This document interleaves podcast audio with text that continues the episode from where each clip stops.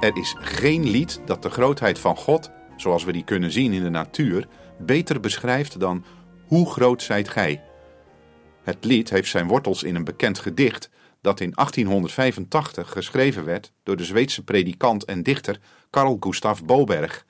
Hij noemde het O Storre Goed, O grote God, en werd bij het schrijven geïnspireerd door Psalm 8, vers 2, waar staat: Heere, onze Heere, hoe machtig is uw naam op de hele aarde.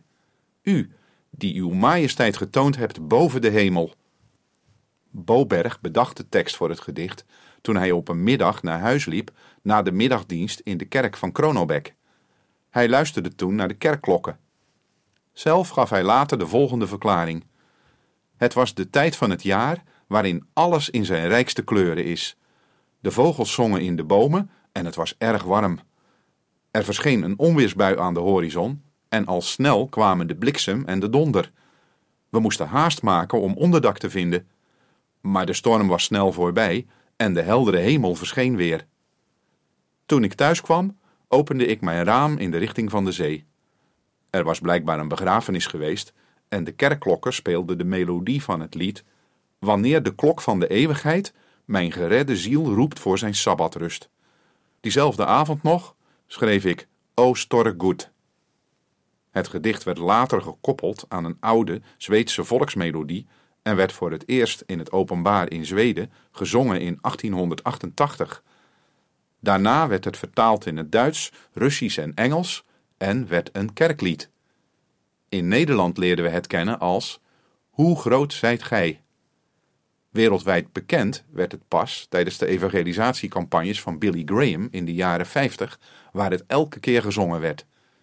Stuart K. Hine, die het lied naar het Engels vertaalde, zei erover: Wanneer we dat hemelse thuis zullen bereiken, zullen we de grootte van God werkelijk kunnen begrijpen en zullen we in nederige aanbidding voor Hem neerbuigen en tegen Hem zeggen: O Heer, hoe groot zijt Gij!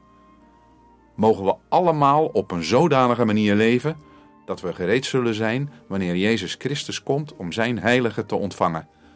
Ons hemelse thuis wacht dan op ons, de mensen die Christus in gehoorzaamheid hebben ontvangen.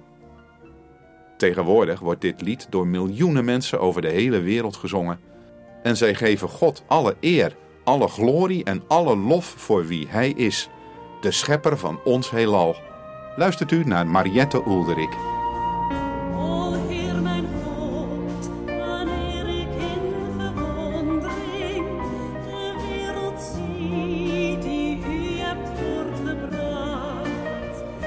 letzte